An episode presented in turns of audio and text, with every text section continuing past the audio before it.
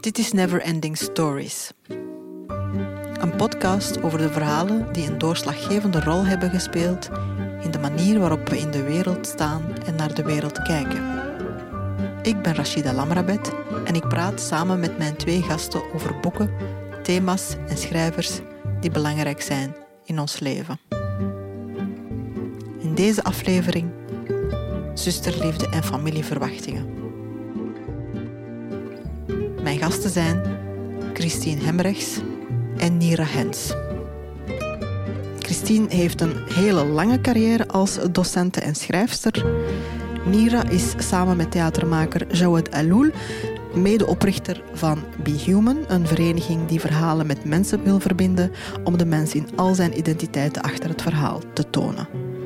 Nira heeft ook de VZ2 Rwanda en zoveel meer opgericht.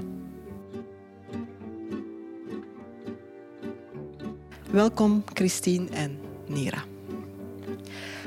Laten we uh, beginnen met te stellen dat het thema van uh, zusterschap in haar complexiteit en uh, ingewikkeldheid een heel erg vaak terugkerend thema is in, in de literatuur. Het zusterschap als een ambiguë affectieve relatie die vaak ook gemythologiseerd wordt. Om het in een moeilijk woord te zeggen. Zoals in, uh, in dit gedicht uit Goblin Market van Christina Rossetti uit 1862. For there is no friend like a sister. In calm or stormy weather, to cheer one on the tedious way, to fetch one if one goes astray, to lift one if one totters down, to strengthen whilst on one stands. Het aanknopingspunt voor deze, deze podcast is de 19e-eeuwse roman van de Amerikaanse schrijfster Louisa May Alcott, Little Women, over de zusters March. En dat is wat eh, de thematiek van het zusterschap betreft toch een klassieker. Er zijn bepaalde verhalen die we heel erg graag willen horen, waar we niet van willen afwijken. En waarbij het ook vaak heel moeilijk is om een ander verhaal te vertellen. Een verhaal dat minder aansluit bij de mythe van het zusterschap. Christine, eh, met je roman Brede Heupen heb jij toch woorden gevonden om dat ander verhaal over zusterschap te vertellen. Wel, dat weet ik niet. Uh, laat ik zeggen dat het een, een, een, een poging is geweest om, om dat te doen. Um, maar ik kan tot, tot de dag van vandaag, dus Brede Heupen is verschenen denk ik in 89. Dus dat is al lang geleden. Maar ik kan tot de dag van vandaag niet zeggen dat ik ergens het definitieve verhaal daarover heb geschreven uiteindelijk is het een zoektocht. De, de, reden dat ik ben beginnen te schrijven was uh, vanuit een gevoel dat alles uiteindelijk veel complexer is. Je moet je voorstellen, mijn zus en ik lijken fysiek heel erg op elkaar. Dat is twee jaar verschil tussen ons. We hebben heel veel samen gedaan. En, en dat is ook het verhaal van Brede Heupen. In, in Brede Heupen zijn dat, is dat dan Laura en Elsa. En de ene gaat naar een ziekenhuis en de andere niet. En degene die niet naar het ziekenhuis gaat, heeft het idee in haar hoofd van oké, okay, daar is hier een rare onafgesproken afspraak, uh, onuitgesproken afspraak dat uh, zes maanden gaat zij in het ziekenhuis en dan mag ik uit het ziekenhuis en dan gaan we switchen. Hè? Omdat zij zo overtuigd is van, van de gelijkheid tussen haar en haar zus, dat, dat het haar ook normaal lijkt van oké, okay, zoals zo, zo het regenmanneken en het regenvrouwken, hè? nu die, die in de binnen en buiten. En uiteindelijk is dat ook, ook, ook mijn gevoel. Dat ik denk, ja, in zoveel opzichten zijn zij en ik hetzelfde. Ja? Dus waarom heb ik dit leven geleid dat ik geleid heb en, en, en zij niet?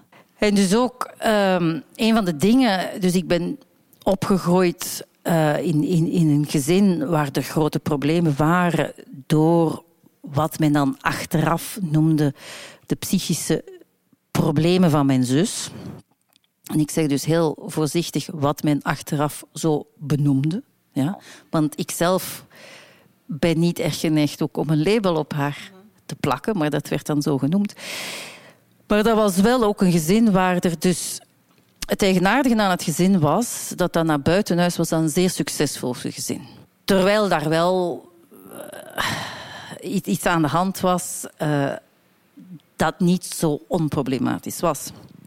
Maar er was in die tijd, dus ik ben geboren in 55, uh, daar was ook geen taal voor. Algemeen gesproken was er daarvoor veel minder een taal. En er was ook een taboe, omdat je meekrijgt dat je in een succesvol uh, gezin opgroeit. Snap je? En jij ervaart natuurlijk een, een, eh, een gap, een, hoe zeg je dat, een decalage, een, een, niet overeenkomen tussen wat wordt gezegd en wat je zelf ziet. En het, en, ik ben nogal een, een, iemand die veel signalen opvangt. Ik zou willen dat dat niet zo was. Ik zou graag een hele dikke huid hebben, dat ik niks opvang aan signalen. Maar goed, ik, ik zag wat ik zag. En ik hoorde wat ik hoorde en ik ervoor wat ik ervoorde. Plus had ik een, een hele dichte band met mijn zus. Wij, wij, sliepen in dezelfde kamer, we gingen naar dezelfde school, we gingen naar dezelfde jeugd. Dus we were as much together as you can be together. Die, die breuk tussen het officiële discours, wat er wordt gezegd over het leven, de liefde, en eigenlijk zelfs in bredere zin dan wat ik nu zeg, en wat je zelf ziet, dat is eigenlijk de reden dat ik ben gaan schrijven. Is eigenlijk nog altijd mijn motivatie om te schrijven. Taal voor dingen en, even belangrijk, het recht om te zeggen wat is. wat je daar net zelf aanhaalde, er zijn, maar, er zijn bepaalde dingen die we graag horen. Het, mijn meest succesvolle boek is bijvoorbeeld Taal zonder mij, want dat, gaat, dat is een, een liefdesverhaal en dat horen we graag. En ik kan er eigenlijk bijna cynisch over zijn dat dat dan het meest succesvolle is. Terwijl ik bijna in mijn aanvoelen dingen heb geschreven die het misschien veel belangrijker zijn, maar die, eh, ja, die dat, dat komt niet goed uit in de maatschappij. Die schuren die schuren als ambetant. En je merkt ook dat uh, waar we, we hebben een zeer grote luiheid in ons denken. Zoals in de, de cowboyfilms van vroeger. De goede held en de slechte held. Je weet meteen, je ziet dan aan hoe ze gekleed zijn. En, en, en de, de, de goede held was altijd de knappe man en de slechte held was, was lelijk. Dus dat is heel duidelijk. Die is goed en die is slecht. Ja? Dat is een gelukkig gezin, dat is een slecht gezin. Ik praat eigenlijk over bijvoorbeeld uh, hoe, hoe, dat, dat zit met mijn zus. Ik praat er eigenlijk niet graag over, omdat, ik, omdat elk praten is een reductie. Bij elk praten erover moet, moet ik gaan woorden kiezen, moet ik gaan labels kiezen. En die labels komen en die woorden komen dan nog eens terecht bij iemand die daar vervolgens weer als een label mhm. op plakt. En, en de keren dat ik het eh, geprobeerd heb,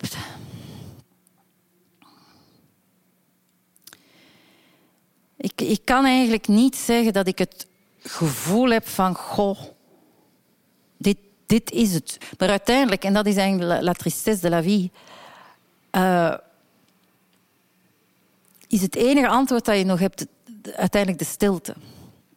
Dat is natuurlijk voor een schrijver is dat onmogelijk. Voor een theatermaker is dat ook onmogelijk. Dat je zegt, ja, woorden zullen altijd tekortschieten. Ook omdat je als je praat, als je schrijft, ben je ook je bent afhankelijk van je publiek. Je bent afhankelijk van de gevoeligheid van je publiek, de bereidheid om te luisteren van je publiek, de concentratie van je publiek. Snap je? En is dat een onderwerp dat voor jou nu uitgeschreven is, uitbehandeld is? Of heb je nog, nog de behoefte om over, over dat zusterschap te schrijven of te praten? Ik weet het niet, Rashida. Uh, dat, um, die, die, die, die situatie die, die staat ook niet stil. En, en daarnet zei je zo dat je las dat gedicht voor van Christina Rossetti. En ik beluisterde dat en ik dacht... Uiteindelijk is daar wel iets van aan. Dat, uh, dat, dat die band er wel is. dan dacht ik, ja, dat gegeven op zich is natuurlijk ook, ook wonderlijk. Maar er is ook een, een, een Christine in mij die ergens denkt van... I wish I was I were born without siblings or parents mm. or whatever. Weet je, ik, mm-hmm. ik vind ook... Uh, je, je, krijgt uiteraard heel veel van, van je gezin, van het gezin waarin je opgroeit.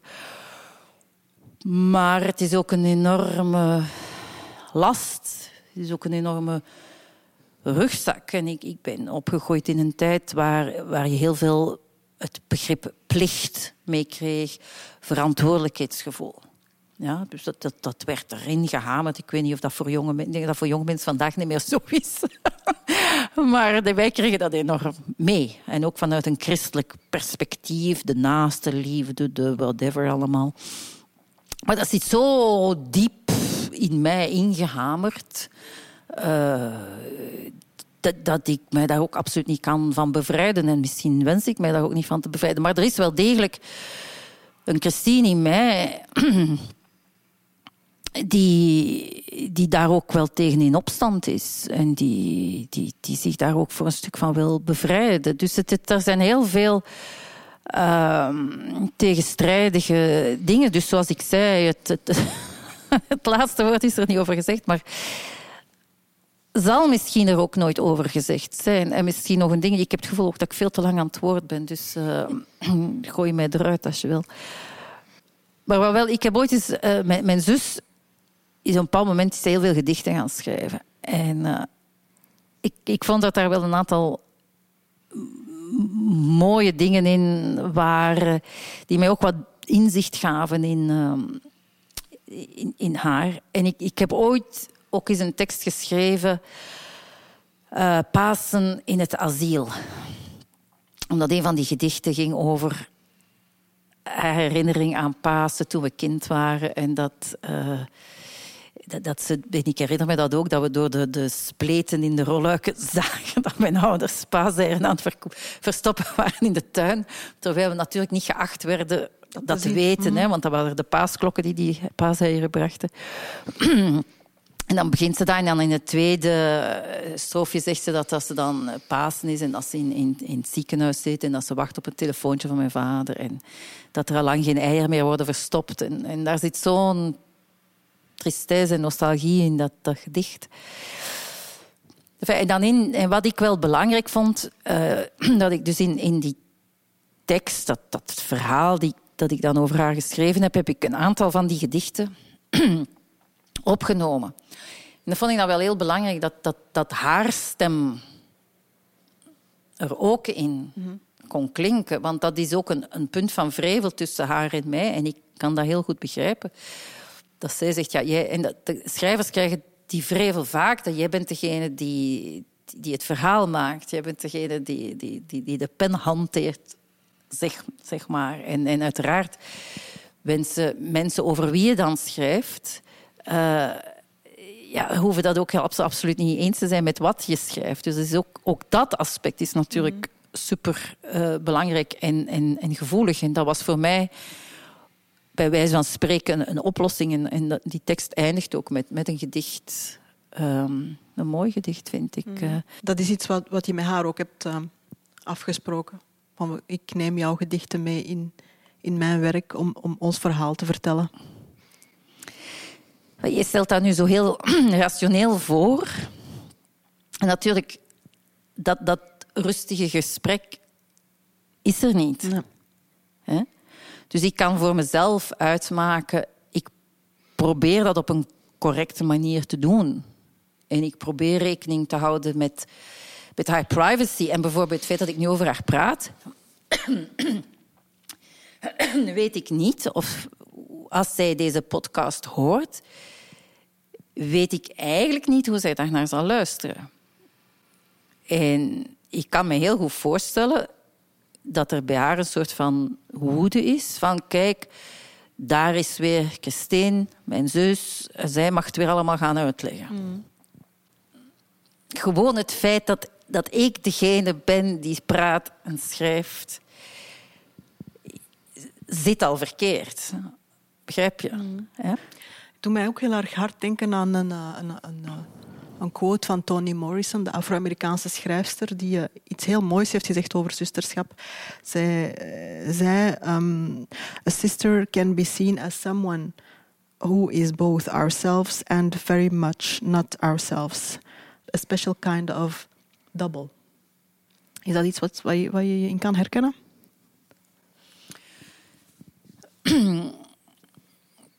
Ja, maar ik voel nu, terwijl ik erover praat, wat ik heel erg voel, is dat ik uiteindelijk, dus je merkt dan misschien wel aan mijn stem en hoe ik praat, dat dat iets heel emotioneel is voor mij. En mijn tranen zitten nu ook niet heel ver. Uh, ik heb er eigenlijk voor gekozen, I'm not going there too much. Mm. En dus nu door dit gesprek gaan we daar wel. ben ik daar wel aan het gaan. En kijk, ik, ik heb mijn leven geleid I had to keep saying. En dus voor mijn ouders was dat ook zo heel duidelijk. Hè. Mijn broer en ik, wij waren, er was met ons was er niks aan de hand. En met mijn zus was er wel iets aan de hand. Maar je, je, je krijgt dus als de tussen aanhalingstekens, grote aanhalingstekens, normaal in een gezin, krijg je de opdracht om een normaal leven te leiden, te om te bewijzen dat dat gezin toch wel ergens normaal was. Snap je wat ik bedoel? Mhm. Jij kan je niet veroorloven om te falen, bijvoorbeeld. Want er is al zo'n groot falen in dat gezin. Dat gezin ja. en dus voor mijn ouders was, was mijn succes, tussen aanhalingstekens, ja, dat, dat, dat was zo belangrijk. Want dat maakte dan... Ze hadden het dan toch niet zo slecht gedaan. En mm. mijn broer was dan succesvol als advocaat. Zie, en... Mm. So you cannot... Waarom zeg je dit allemaal in het Engels? Ik denk dat er meer Engelse taal is voor al die dingen. Maar you cannot afford weakness. Je moet de normaliteit hoog houden. Jij moet de normaliteit hoog houden. Jij moet, jij moet sterk zijn. Jij moet... En dat is erg, hoor. Dat is een, lijkt me een hele zware last, ja. Absoluut. dat is een hele zware last. Dat lijkt me een ondraaglijke last zelfs, ja. Oh, dat is draaglijk. Maar... En dat is soms ook dat ik denk dat de zieke de zwakke, hoe erg dat ook is, heeft ergens een luxe positie. En dus wat ik merk. Um, maar misschien wordt dit gesprek een aanleiding om er toch nog eens over te schrijven. En misschien... Maar wat ik ook heel erg heb. Ik mag niet zeggen dat het moeilijk is. Ik mag niet klagen. Want, want je hebt het goed. Ik heb het goed. Ja. Ik heb het zo gemakkelijk. Ik ben gepreid. Kijk maar naar je zus. Voilà. Ja. Dus shut up, recht je rug, en doe voort. En doe voort. En dat heb ik ook heel mijn leven gedaan. En mhm. nogmaals, ik heb een heel goed leven gehad. Ik ben heel dankbaar, et cetera, et cetera. Maar die dingen spelen wel. En dus nu in dit gesprek, dit therapeutische gesprek, ervaar ik heel erg hoe ik er inderdaad voor gekozen heb om daar niet te veel naartoe te gaan. Heftig verhaal. Dankjewel, Christine. Um, Nira, toen ik met jou sprak over deze podcast, um, heb je eigenlijk uh, zonder, zonder een moment te aarzelen uh, verwezen naar de film The Color Purple. Ja, klopt. Dat is uh, de verfilming van het, het, gelijknamige boek van Alice Walker. Het is een mhm. verfilming door, um, door Steven Spielberg. We hebben ook een beetje gesproken over het boek. Mm en wat mij um, verwonderde, was dat je zei van ik kan het boek eigenlijk niet uitlezen. Het is mhm. veel te, te, heftig, veel te zwaar. Ja, klopt. Um, in het algemeen kan ik het boek gewoon sowieso niet lezen, omdat het ook um, heel erg te maken heeft met mijn eigen gevoelens of mijn eigen leefwereld. omdat het verhaal gaat over uh, twee zussen die elkaar die scheiden. En de een gaat naar Afrika en de ander blijft in de situatie zitten waar ze in zit. Um, en dat loopt natuurlijk ook wel gelijk. Of ik herken mezelf daarin, omdat ik um, van Rwanda naar, naar België ben gekomen. En ook altijd wel heel erg heb gehunkerd naar mijn, naar mijn familie in Rwanda. En dan op een gegeven moment is er een, een stukje in de, in de film waarin dat de twee zussen terug herenigd worden en ze, um, ze ook in, de, in de velden elkaar terugzien en een, een soort van kinderspel uh, doen met, met de handen.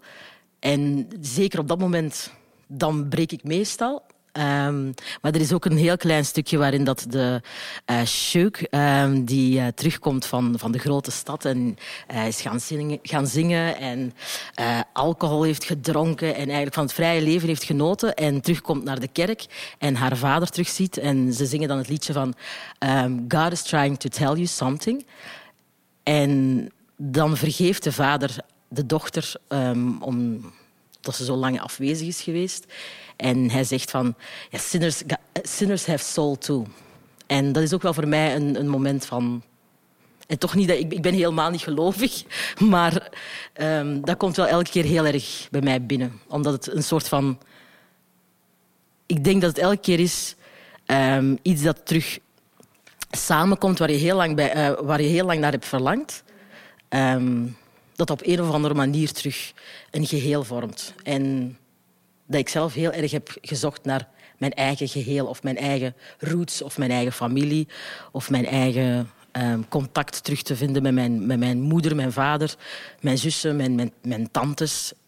Dus dat zijn meestal eh, de, de, de punten waarin dat ik helemaal ja, de zakdoek moet gaan halen en begin te halen die, die uh, familiebanden en, en vooral dat zusterschap, is dat voor jou een, een, een vorm van... Of een manier om, ergens thuis te komen? Ergens om... Ja, een, een, een vorm van belonging bijna? Of, of zie ik dat, dan, zie ik dat uh, verkeerd? Ja, voor mij is denk ik ook wel heel tijd. Mijn zoektocht is inderdaad leren thuiskomen. Dus um, gewoon in mijn dagdagelijks leven, maar ook gewoon in alle dingen die ik doe of schrijf of um, speel is het altijd een zoektocht naar thuiskomen, maar toch nooit het echt vinden. En ik ben dan uh, iets meer dan tien jaar geleden voor het eerst naar Rwanda gegaan. Mijn familie teruggevonden. Um, mijn, mijn zussen teruggevonden. En ook dan daar beseft dat natuurlijk daar is ook niet mijn thuis, want ik ben daar ook al dertig jaar weg. Maar ik voel, voor, ik voel wel van, hen, van hun kant dat ik wel thuis kom. Dus voor mij is het nu nog even leren om thuis te komen. Het is nog een, een soort van um, een evenwichtsoefening om te leren thuiskomen. Want ik voel wel, mijn lichaam en mijn, um, mijn darmen, mijn, um, mijn maag, uh, komt wel thuis. Dat voel ik heel erg. Mijn huid komt thuis, mijn, mijn, mijn acne is weg, mijn, alles komt wel op zijn plaats, maar het is meer je hebt daar natuurlijk geen, geen herinneringen. Je hebt daar geen, um, je hebt daar geen geschiedenis opgebouwd. Maar er is wel ergens een, oud, een oude herinnering, een hele diepe, die, die echt wel meteen voelt dat er een connectie is en, en thuis komt. Maar rationeel is het nog niet, niet helemaal thuiskomen dan, als ik het begrijp? Nee. Nee. Nee, ook omdat ik, ik, spreek, um, ik spreek geen dus ik moet meestal spreken met, um, um, met een tolk. Waardoor dat er ook heel veel ruis zit tussen de vertaling. En het thuiskomen zit hem denk ik soms meer in, in aanrakingen. Of hoe, hoe dat mijn, mijn, mijn, zus mij aanraakt, of hoe dat mijn, mijn zus mij, mij um, aankijkt. hoe zij zorgen voor mij en ook hoe ze, hoe ze ervan uitgaan dat er nog een stukje grond is die 30 jaar vrij is gehouden voor mij. Dus ik mag ook meteen maïs beginnen um, telen of ja. verbouwen. Um, dus dat is dan wel een soort van connectie dat je voelt. Maar ik moet, ik moet, er nog, ik moet nog die aantal stappen zetten om, daar, om daartoe te komen. Mm -hmm. En misschien komt het nooit, misschien gebeurt het nooit, maar de, in, de intentie is er wel. Ja. En het is ook moeilijk om natuurlijk zoveel jaren in te halen. Ja, en, en natuurlijk het, het gegeven dat, dat, je niet dezelfde taal spreekt, is natuurlijk een, een, een belangrijke hindernis, denk ik dan, om die connectie um, te herstellen of die band te herstellen.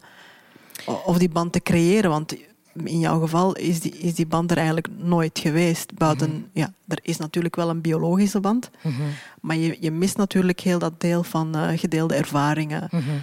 uh, herinneringen.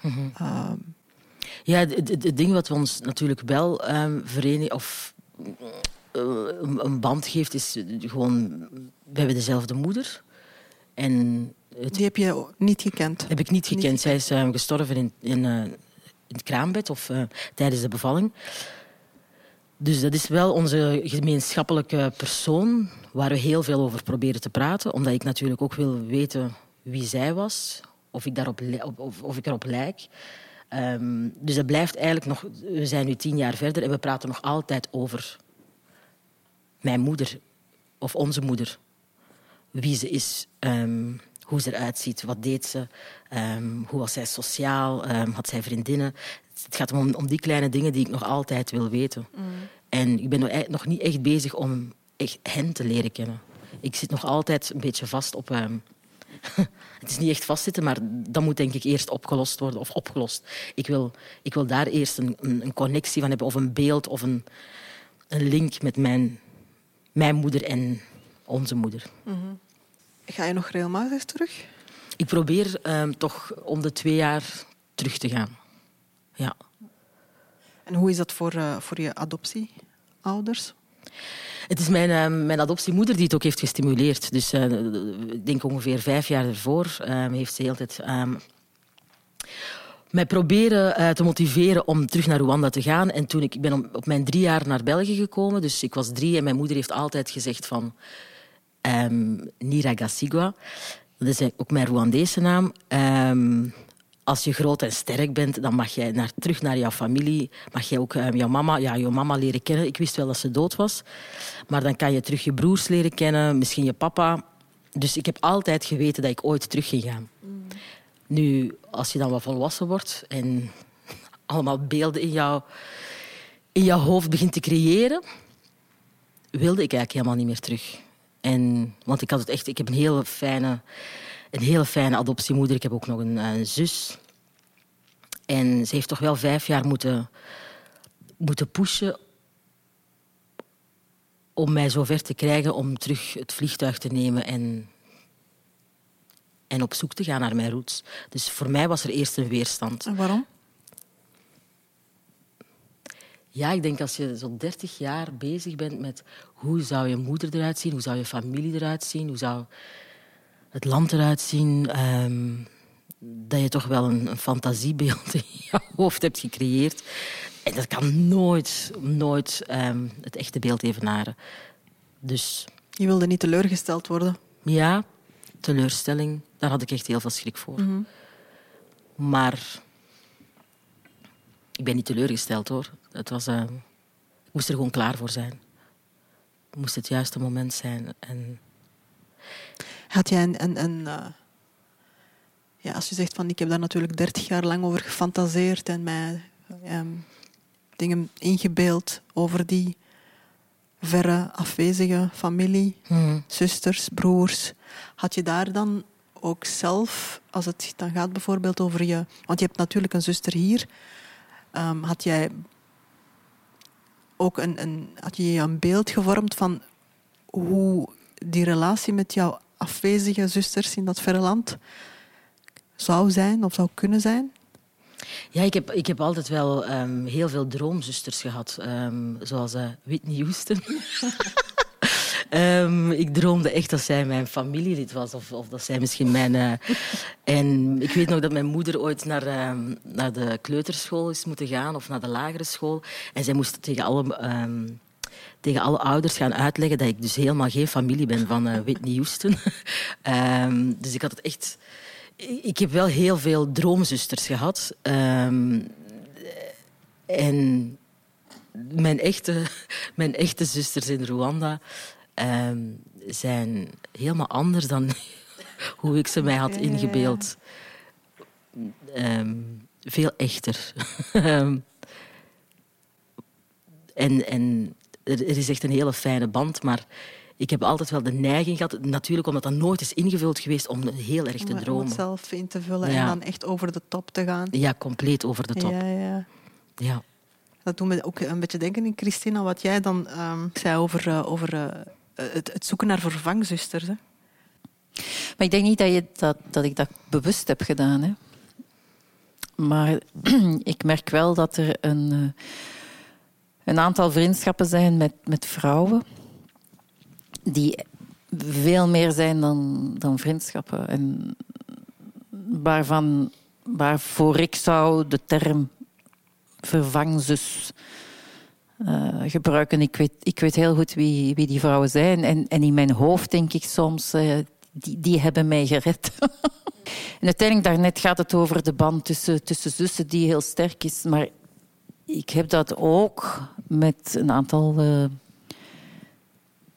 vriendinnen. Dat, dat ik, van een aantal vriendinnen weet ik wederzijds If you call out my name, I'll be there. Ik weet, als er iets met die of die of die is, meteen laat je alles vallen en je bent er voor elkaar. Mm. En, en, je vecht voor elkaar. En ik denk dat er ook iets is dat enorm belangrijk is, dat uiteindelijk...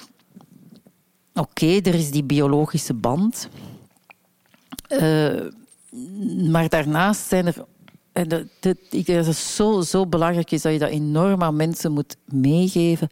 Je maakt ook zelf je banden. Je maakt ook zelf uiteindelijk je leven. Je wordt heel erg bepaald door wat, door wat je meekrijgt, de omgeving waarin je opgroeit, et cetera.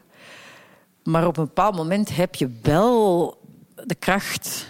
Cut your losses and count your blessings. Mm. En mensen die die in een heel gelukkig gezin geboren zijn en die dan nog eens een heel gelukkig huwelijk hebben en een, op een nieuw gelukkig gezin gaan stichten. Ergens denken, maar die missen ook heel veel. Echt waar, ik meen dat. Omdat zij niet weten wat het is om de hele bewuste keuze te maken. Ik ga nu mijn eigen leven opbouwen. En er is nu zoveel misgegaan in mijn leven. Maar desondanks ga ik kiezen voor het goede. En ik ga de goede dingen koesteren. En ik ga banden maken met mensen. En, en, en... Los van de, van, uh, de biologische banden, de, de, biologische en, en dergelijke en, meer. En de erfenis, de emotionele erfenis, et, et, et cetera. En het, het begrip zuster hè, in, is, is veel breder dan... Um... Ik vind dat wel mooi wat je zegt van um, dat je moet kiezen of, of je kan kiezen voor um, jouw zusterschap of de mensen waarmee je je omringt. Maar ik kan me ook wel voorstellen, bijvoorbeeld omdat je daarnet zei van je hebt soms eh, gezinnen waar al, alles gelukkig is en uh, de kinderen en daarna, daarna. Maar misschien hebben die ook al wel gekozen um, daarvoor, voor effectief te kiezen. Kijk, we gaan gewoon gaan voor het, voor het geluk. En hebben die echt inderdaad hun verlies achtergelaten. En dan creëer je ook gewoon, volgens mij, generaties geluk. Ja. Um, dan creëer je dat gewoon en dat volgt zich wel op. Mm -hmm. ik, ik denk dat je wel kunt kiezen. van ik ga dit doen, ik ga dat doen. Maar uit die, het maken van die keuze en het zeggen van kijk, ik ga het zo aanpakken en zo aanpakken, daaruit voel ik dat je een enorme kracht haalt en een kracht die je dan, waar je dan uiteindelijk ook anderen mee kunt helpen. Wat je ook zegt, dat je geluk kan, dat je daarvoor kan kiezen en dat je dat kan doorgeven. Ik vind dat, ik vind dat een superbelangrijke gedachte. En, en, en misschien een, te, een, die te weinig aan bod komt. Dat men zo ook in, in therapieprocessen hè, zo gaan focussen op wat er verkeerd is gegaan. En dan denk je, maar daar word je niet beter van. De dingen uit het verleden. Jij kan niet ongedaan maken dat je geadopteerd bent. Mm. Jij kan niet ongedaan maken dat je moeder gestorven is in het kraambed. Het enige waar je greep op hebt is, hoe ga je daarmee om? Mm en, en, en dat, dat vind ik wel... daarom dat ik het ook wel fascinerend vind als je het dan hebt over die, uh, die droomvriendinnen die je dan gecreëerd hebt. Hè? Ja. Dus Whitney Houston was daar één van. Ja, die Waren er nog? Tracy Chapman. Wauw. Alleen maar de allerbeste gewoon. Ja. Dus, dat zijn wel, en die, die zitten er nog altijd. Die dus, zitten er nog altijd. ik soms ook nog wel mee.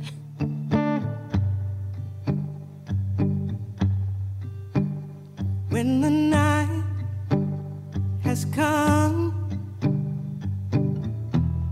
and the land is dark and the moon is the only light we see. Want Tracy Chapman, ja, dat... Ik, ik ben eigenlijk meer voor Tracy Chapman dan voor Whitney. ik ben voor alle twee. Voor alle twee, alright. Just as long as you stand. En heb je, je hebt natuurlijk een zus hier, een, een uh, waarmee je natuurlijk ook die zusterband hebt. Ja, ja, dat is natuurlijk. Uh, mijn zus is altijd bij mij geweest van uh, mijn drie jaar. Dus omdat je daarnet ook vertelt van eh, echt het kiezen voor een, een ehm, eh, of, of kijken naar hetgeen wat je hebt is ook heel belangrijk en niet de hele tijd achteruit kijken van wat er allemaal mis is gegaan. Dat is denk ik bij mij in mijn leven ook altijd wel een, een soort van uh, wisselwerking geweest, omdat ik als ik heel heel heel boos was als kind, dan um, ging ik met mijn fiets naar Rwanda. Of um, dan had ik een, een klein koffertje, een roze koffertje. En met blauwe streepjes. En dan, zette ik, dan nam ik één onderbroek mee, een t-shirt en een tandenborstel. En dan was ik weg. En echt in mijn, in mijn illusie, waanbeeld, dacht ik echt effectief met de fiets tot Rwanda te kunnen geraken. Um, maar ik, ik, ging dan toch meestal wel terug naar huis, omdat ik niet wist of ik links of rechts moest. um, maar ik dacht wel dat, daar, dat het daar dan misschien beter kon zijn. Dus ik had ook wel heel de tijd de verschuiving van... Ah, ik kan die familie opzij schuiven, want ik kan naar de andere familie. Um, maar met de jaren heb ik natuurlijk ook wel beseft... Wauw, wat een, ja, wat een fantastische moeder heb ik.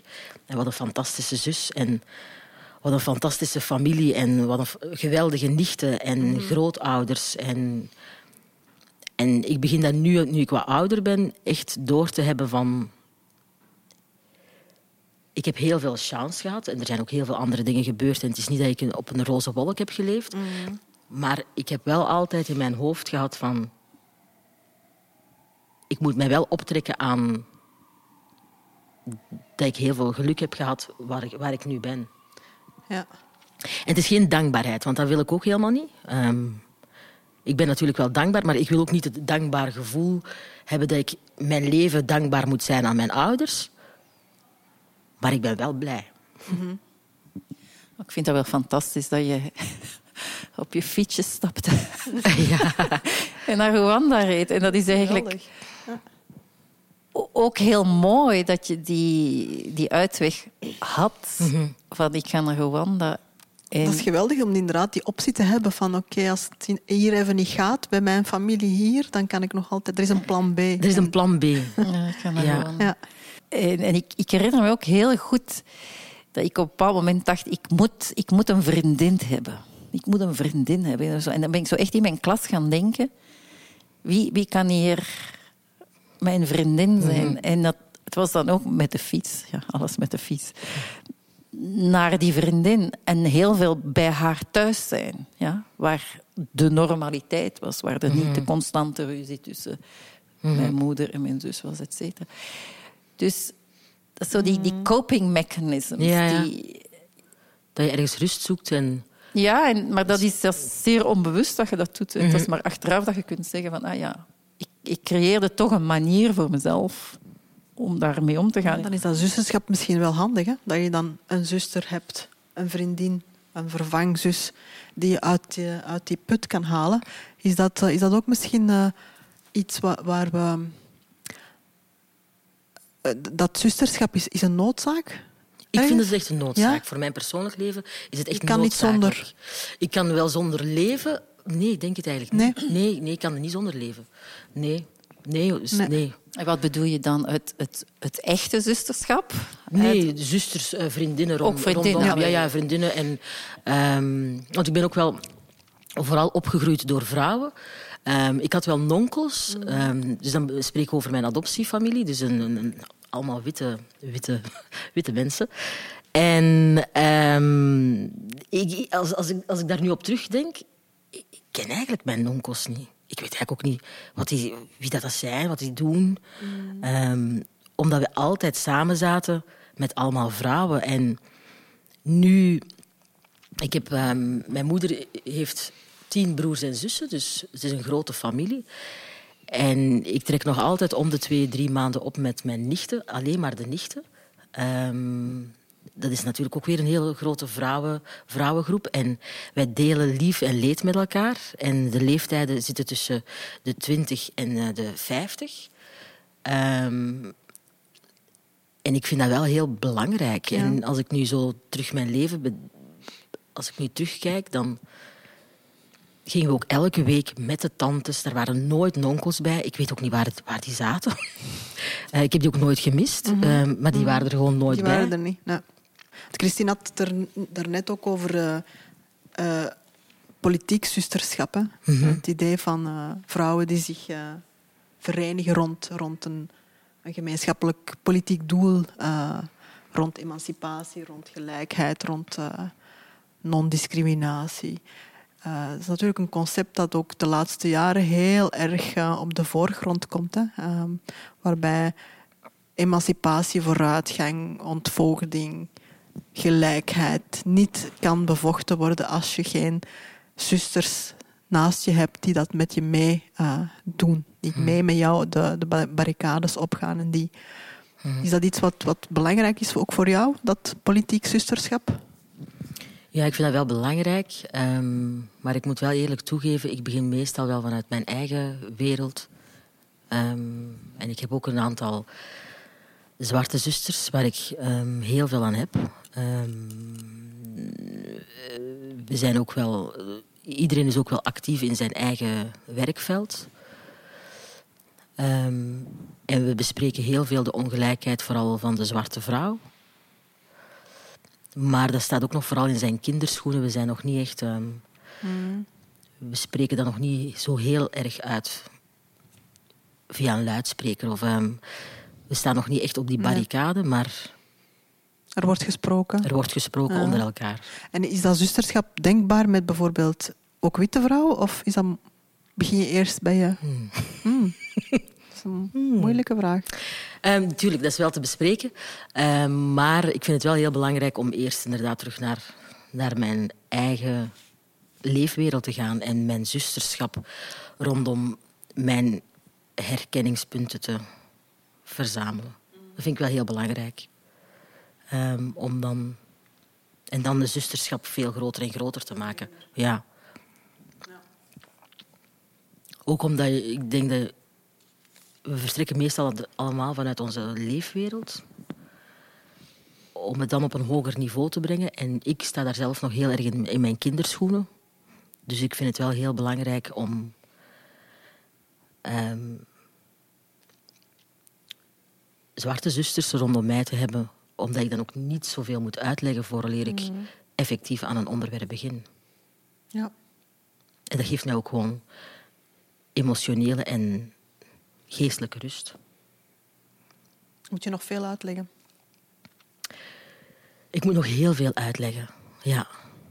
Ehm, ik heb onlangs ehm, een interview gehad voor eh, dit boek, voor Afrolit, eh, voor, bij Radio 1.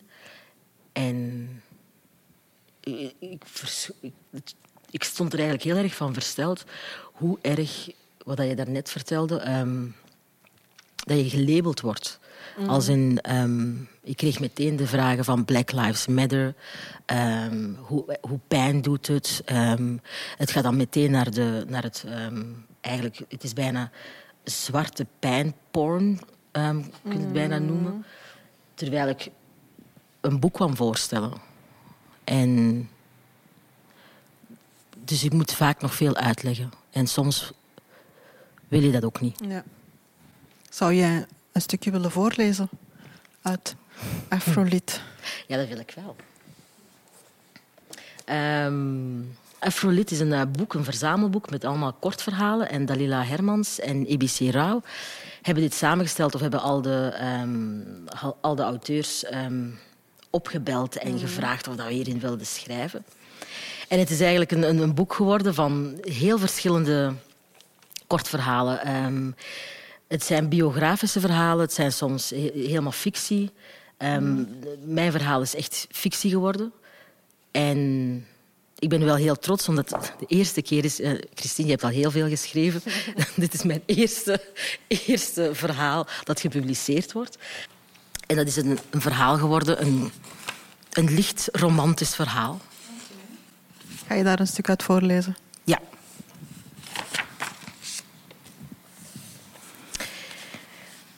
Ik en deze mooie onbekende hadden de laatste uren op de dansvloer doorgebracht. Waren in elkaars ogen verdwaald. Uit de boksen van de zwoele stem van Dion Ferris te horen...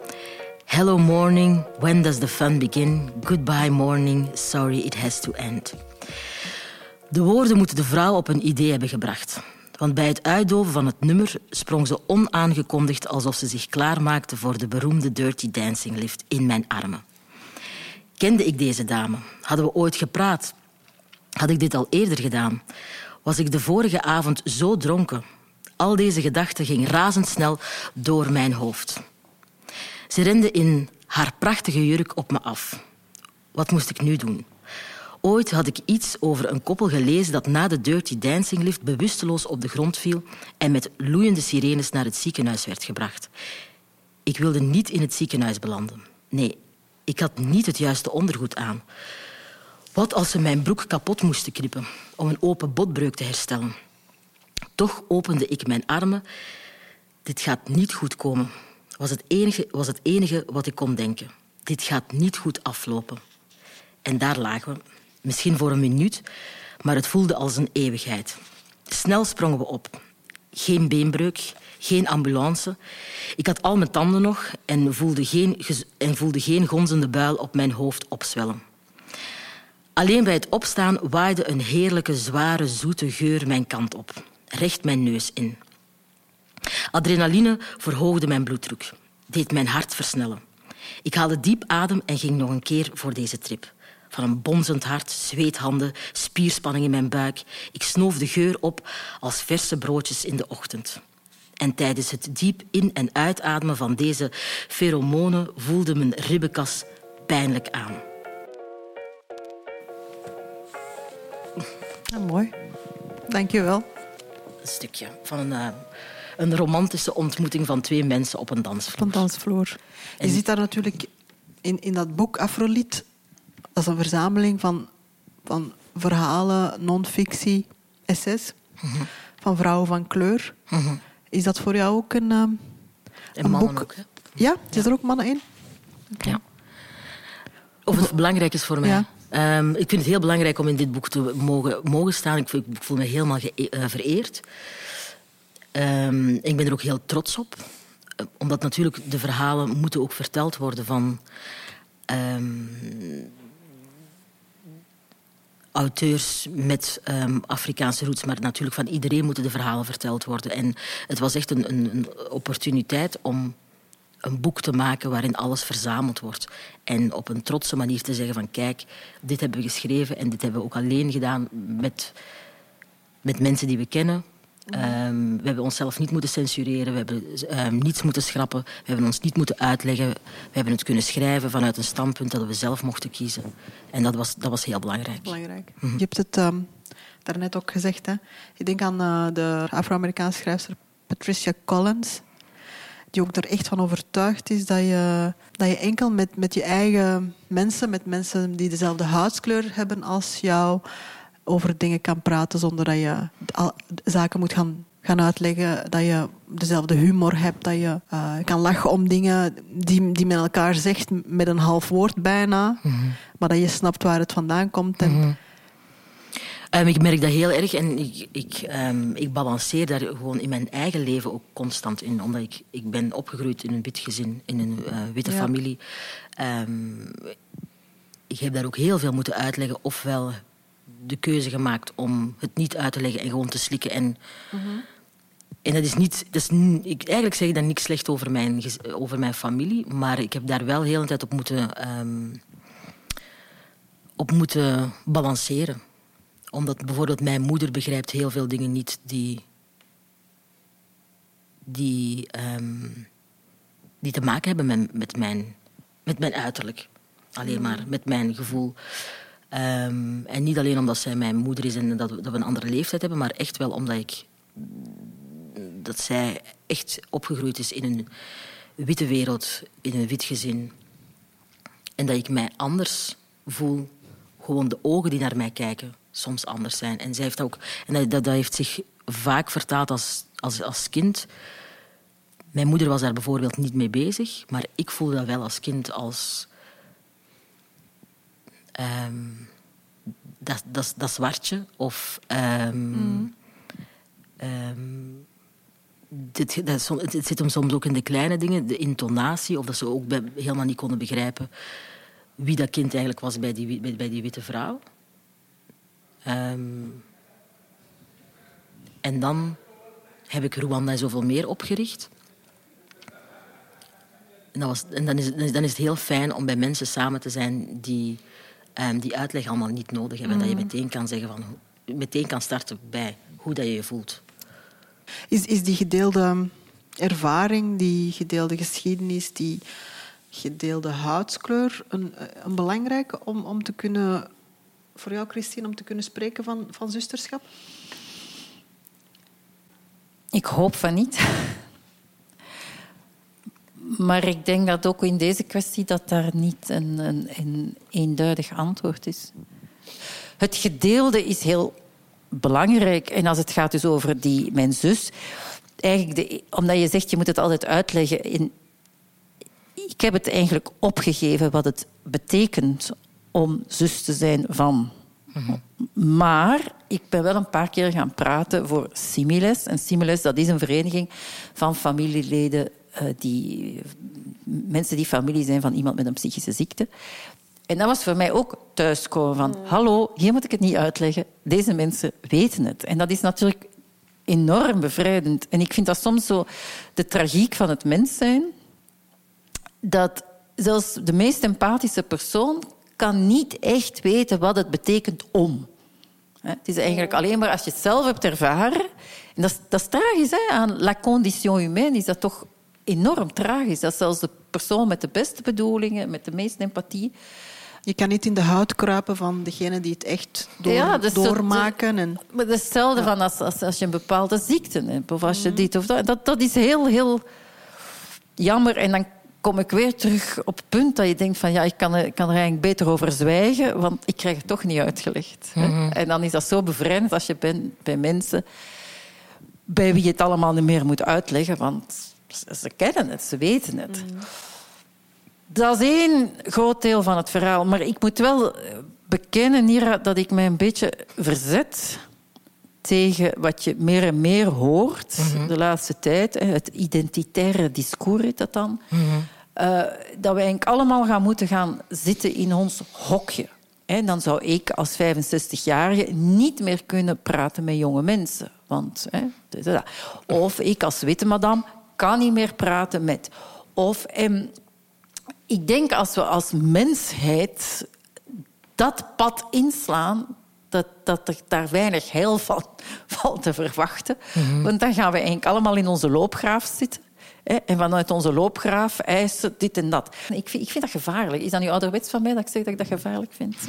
Ik vind, ik, vind dat, um, ik vind dat wel heel noodzakelijk, zeker als je een minderheidsgroep bent die in een wereld leeft um, waarin, ik zal nu echt over zwart-wit spreken, um, dat is nu inderdaad echt de ene naar het ander, dat je soms wel mensen nodig hebt, na, schouder na schouder, die ook met jou mee diezelfde stem spreken, want je kan echt maar staan roepen of staan proberen te zeggen wat dat je, wat dat je eigenlijk wil zeggen, wat dat je voelt. Maar als niemand echt luistert en toch maar rondom je hoofd echt gewoon blijft verder doen, zo voelt het voor mij. Zo zie ik het meer als een, een beeld van je, je, probeert uit te leggen um, waar je misschien naartoe wil, wat je misschien veranderd wil hebben, um, hoe dat je jezelf voelt, maar niemand, maar niemand hoort jou. Zo voelt het wel mm. soms. En je hebt echt het gevoel dat het gesprek niet mogelijk is?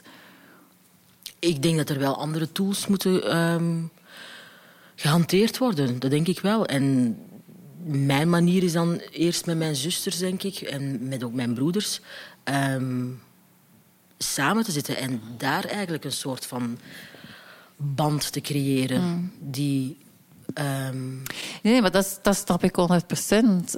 Uh, en ik denk ook, maar ik denk dat het toch belangrijk is dat we blijven hopen, geloven, werken aan, aan een dialoog. En je zegt er moet geluisterd worden. Zo cruciaal. Er wordt zelden geluisterd. als, als, jij, als wij zouden concluderen, ja, het gesprek is niet meer mogelijk, dat is heel erg voor de wereld. Hè? Maar ik denk, ja, dat zou heel erg zijn, want dat is niet het ding wat ik ook zeg, dat er geen gesprek uh, mogelijk is. Maar misschien moet ik ook een voorbeeld geven van mijn familie. Onlangs uh, hebben we ook een, een, een fototentoonstelling gedaan. Een expositie met um, al de geadopteerde uh, Rwandezen. Ehm, en mijn moeder is gekomen, mijn, mijn, mijn tantes, ehm, mijn nichtjes, waar ik daar net over sprak. En voor hen was het de eerste keer, zij zagen dan allemaal foto's van een, eh, een, een man, Mark, die um, zich laat witspuiten. En voor hem was het de vertaling van ik ben eigenlijk door geadopteerd te worden witgespoten. Maar um, ik heb alles geleerd, hoe dat je moet eten, moet praten, moet het volume, hoe dat je kijkt. Um, maar van binnen ben ik nog wel altijd Rwandees. Ja. en er was ook iemand die een foto had waarin dat uh, witte handen daar afro zitten en dat haar gezicht staat op van blijft van mijn haar. En door denk ik de verzameling van al die foto's mijn moeder was er helemaal muisstil van. Mijn zus was muisstil. En dat was de eerste keer dat ze, zei, dat ze um, mij konden zeggen van... Ah, hmm. nu, nu, nu, begrijp nu snap ik het. Ja. Hmm. En hoe ik heb dat zeker al die jaren op andere manieren proberen te vertellen. Maar het is ook soms zoeken. Voor mij was dat wel een, een goede um, um, um, een bewustwording van... Je kan ook op een andere manier vertellen. Of een, op een andere manier iets, iets duidelijk maken. Mm. En dat was ook, ja... Maar het kan dus, hè? Tuurlijk kan het, ja. Mm. Je kan inderdaad die dialoog wel hebben met elkaar, mm. ongeacht etnie, kleur, gender. Mm -hmm. Maar dat is natuurlijk een, een, een, conversatie of een dialoog waar voorwaarden aan verbonden zijn. En een van de voorwaarden is dat je inderdaad ook de ruimte moet geven opdat de ander eh, vanuit zijn eigen perspectief de wereld kan aanschouwen en daar woorden aan kan geven, zonder dat, de, dat men de behoefte voelt om daartussen te komen hmm. met de eigen visie, met, de eigen, met het eigen kader, met de eigen geschiedenis. Maar wat ook heel belangrijk is, is dat je, die, dat, dat je bereid bent om iets te gaan horen en vernemen wat je niet graag zult horen en vernemen. Zo van, als ik dit en dat zeg, dat gaan mensen graag horen en dat gaan ze oké okay vinden. Maar hoeveel ruimte heb ik om te zeggen wat ze niet graag zullen... Wat, wat ik in het begin ook zei, sagijn, sagijn. Er zijn veel dingen die mensen...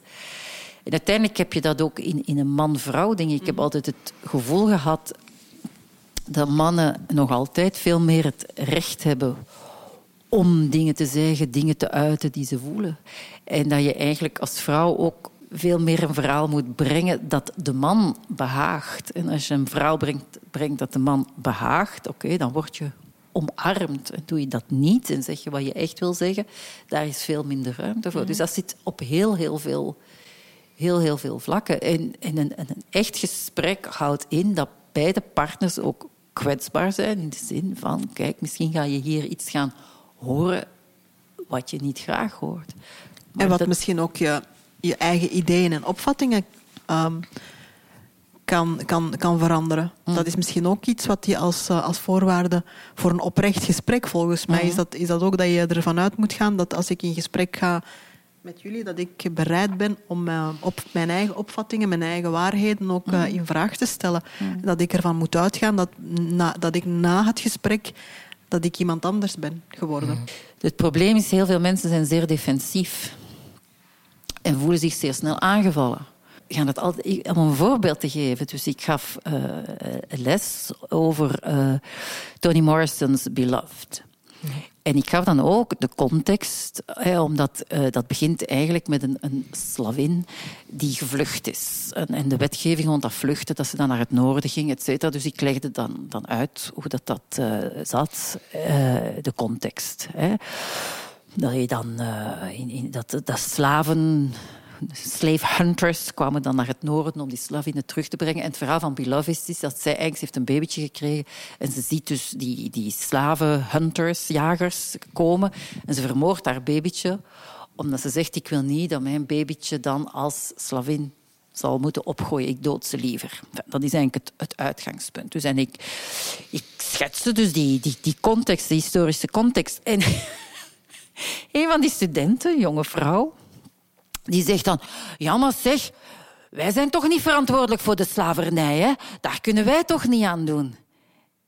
En, en dan denk ik zo'n beetje, hallo, daarover gaat het hier even niet. Het gaat niet over jouw persoontje. Maar... Interessant om het, om, om het gesprek daar dan over te hebben. Hè? Maar... Ja, ik moet dan die studenten hebben dan ook weer het recht op die mening te hebben. Hè? Mhm. Dus je moet dan ook hen weer de ruimte geven. Mhm om te zeggen wat zij denken. Mm. Snap je? En ik ben wel altijd, dat was een van mijn actiepuntjes, had ik dus bij Amerikaanse liter- uh, literatuur, uh, zorgde ik dus dat, dat er verschillende stemmen aan bod kwamen. En ik vond, ik vond het heel interessant. Uh, de mannelijke personage in heel veel uh, romans is, is degene die denkt, die een, een, een, een, een cerebraal leven heeft, dat is de witte man. Ja? En de, de witte vrouw heeft, is, is veel meer object, is degene naar wie wordt verlangd. Uh, de, de, ook vaak wordt ze ziek. Want heel veel ziek in de, in de romans, of ze gaan dood. Die zijn veel meer lichaam. En dan zie je zo een hiërarchie. En, en de zwarte vrouw, in, in, als zij in een roman terechtkomt, is ze eigenlijk object van begeerte. Nog veel meer dan, dan de witte vrouw. Mm -hmm. dus, maar, maar nadenken dat zit er niet in. Dat, dat, nee, dat zit er totaal niet in. Maar ik probeerde dus wel en te laten zien wat die mechanismes waren. Ja. Dus, en dan kan je maar hopen dat daar iets van doorcijpelt. En dat ze misschien mm. na de les er anders gaan tegenover staan dan, dan voor de les. Mm. Maar wat mij altijd enorm heeft gechoqueerd en ontmoedigd, is de beperkte bereidheid van die studenten die dan zo de, moeten de intellectuele upperklas zijn of zoiets. De beperkte bereidheid om zich open te stellen voor anderen. Die onwil, of dat, dat, laten we er in het positieve geval van uitgaan dat het niet alleen maar onwil is, maar er is misschien ook een soort van onkunde is bij sommige mensen om, om uw blik open te gooien en, en u in te leven in, in het verhaal van de ander en bereid zijn om afstand te doen van uw eigen positie daar in het midden van het verhaal en, en dat je toch kijkt naar het verhaal van de andere. Is dat niet het grootste probleem ook wanneer we het hebben over ja, dat politieke zusterschap? Iedereen moet op zijn manier eerst zijn verhaal kunnen ja, en mogen vertellen. Maar, maar en... het is dat ik probeer te zeggen, dat die, die openheid voor andere verhalen houdt in dat, dat je jezelf eigenlijk niet bedreigd voelt. Dus wat ik probeer te zeggen is dat heel veel mensen ze, ze voelen zich bedreigd door andere verhalen. Mm -hmm. En ze, wat ik zeg, ze voelen zich aangevallen. Ze nemen het helemaal persoonlijk. Wat ik heel erg vind, uh, en dat is in tegenspraak tot alles wat hier nu is geweest, ik denk dat, dat mijn groep, laten we het dan zo zeggen, hè, heeft genoeg kansen gehad om te zeggen wat we willen zeggen. En ik denk persoonlijk nu van, in tegenspraak tot alles wat ik hier vanochtend heb gedaan, van shut up a bit, Christine. Ja, voilà. Maak plaats. Exactly. And that's what I mean. En ik vind bijvoorbeeld, hoe heet ze daar, die van... Uh, de schrijfster van Potter daar. Uh, ik ken naam. Rowlings. Rowlings. En die hebben daar een stuk geschreven hoe erg het is dat ze niet meer mogen zeggen wat ze denken. En Rush heeft dat ook getekend en zij en nog een aantal mensen. En ik denk, you're not getting the point. Niemand zegt dat zij niet meer mag zeggen wat ze wil zeggen. Niemand zegt dat ze niet meer mag publiceren. Jawel. Maar laat nu ook eens een beetje andere mensen. Want als je niet de kans hebt gekregen om effectief iets te zeggen, dan begint het ook bij je moet een, je moet de taal vinden. Je moet, um, het is ook als leren lopen. Dus um, omdat je zo zegt van misschien moet je mij hier uitknippen. Voor mij is het ook nog echt leren lopen om effectief te durven zeggen en uh, wat ik wil zeggen. Um, omdat het ook een, een soort van mechanisme is ook in mijn hoofd die ook nog zelfs moet bijna decoloniseren om te kunnen zeggen wat ik effectief voel. Om zelfs te erkennen in mijn, in mijn lijf uh, wat ik effectief voel en wat er binnenkomt. En daar nu effectief woorden aan geven is al... Dat is, dat is mega. Je kan nog altijd als diegene die het, die het woord neemt afgestraft worden. Mm. Omdat je dingen zegt die, die, die schuren, die pijn doen, mm. die eigenlijk niet, niet gezegd mogen worden, want wij, wij denken daar anders over. Mm. En dan word je gesanctioneerd. Dus het is niet zonder gevaar dat je inderdaad je, je herwonnen stem eindelijk um, verheft en zegt van oké, okay, nu ga ik voor mezelf spreken. Als ik in mijn geprivilegeerde positie heb een aantal keren zeer alleen gestaan. Ik heb dikwijls ook mogen lezen wat een bitch ik ben, et cetera. Um, dus ik begrijp heel goed mensen die, die ervoor kiezen om te zwijgen of, of, of uh, hun kop te bukken. Uh, om, omdat, when you speak out, word je zeer kwetsbaar. Ja, het is sowieso sterker dan jezelf. Je kan je authentieke stem niet het zwijgen opleggen omdat daar buiten uh, gevaar oh, ik, is. Ik denk dat er heel veel mensen zijn die ervoor kiezen om te zwijgen. Ja, dat kan wel goed zijn, maar ik, ik, denk dat heel veel mensen, wanneer die neiging daar is en wanneer de, de, de, hetgeen dat gezegd moet worden urgent is en, en belangrijk is, dat men het toch gaat zeggen. Het ding is, en daar blijf ik op terugkomen, en ik vind dat eigenlijk cruciaal, willen we een stap verder zetten, is hoe zit het dan met, um, met dat bondgenootschap? Hè? En dat je dus ook um, bondgenoot wil worden van, um, van, van al die anderen. Die zich begeven op een terrein waar ze kwetsbaar zijn. Waar ze aangevallen kunnen worden omdat ze spreken, omdat ze rechtuit uh, zeggen wat ze, waar ze in geloven. En dan is de vraag bij mij van hoe zorg je er inderdaad voor dat je tussen, tussen die groepen de ene die al wat meer geprivilegeerd is dan de ander, dat je een soort van bondgenootschap kan creëren, een soort van zusterschap kan, kan, kan creëren, waardoor je, je sterker staat. Hoe doen we dat dan? Want dat is iets wat ik superbelangrijk vind. Ik heb daar helemaal, ik heb daar helemaal geen uh, oplossing voor. Maar uh, ik zie het meestal ook... Ik, ik, kijk meestal uit kinderogen. En, en dat is um, wat mij meestal helpt. Um, je wandelt een, een gebouw binnen. En daar kan alles verteld worden van... Um, daar, zijn, daar, daar, daar, daar, zijn vrouwen die met elkaar verbinden. En niemand... Maar het, het is utopisch. Ik weet, nu, nu ik het zeg, denk ik ook on, Heb je onrealistisch. Heb je een adres van het gebouw? In mijn droomwereld zou zoiets misschien... Um, zou het zo verlopen. Maar ik denk dat er geen, geen echt antwoord op is. Ik denk vooral, vooral heel veel stemmen hebben we nodig en heel veel verhalen. Ja. En heel veel verhalen. En zo verscheiden dat, het, dat, het, dat we niet meer weten naar waar te kijken, hoeveel verhalen er zijn. En daarin gaat er waarschijnlijk heel veel gelijk lopen. En, en bereidheid om te luisteren. Het is hè, dat we inderdaad uh, heel veel verhalen nodig hebben. Heel veel verschillende verhalen. En dat we, het, um, en dat we moeten blijven praten. Hè? Absoluut, ja.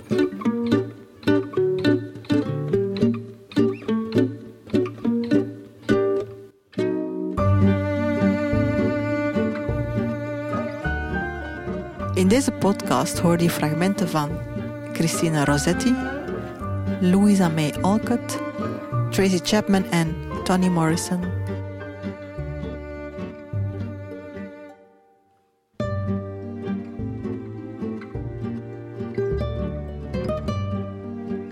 Deze podcast is een initiatief van Rose Stories in samenwerking met de buren en Vandel CS, met de steun van de gemeente Amsterdam-West, het Nederlands Letterenfonds en Literatuur Vlaanderen. Deze aflevering werd opgenomen bij de buren in Brussel en is geproduceerd door Jelena Schmitz met behulp van geluidstechnicus Paulo Rietjens. Meer informatie over Neverending Stories kunt u vinden op www.rostories.nl.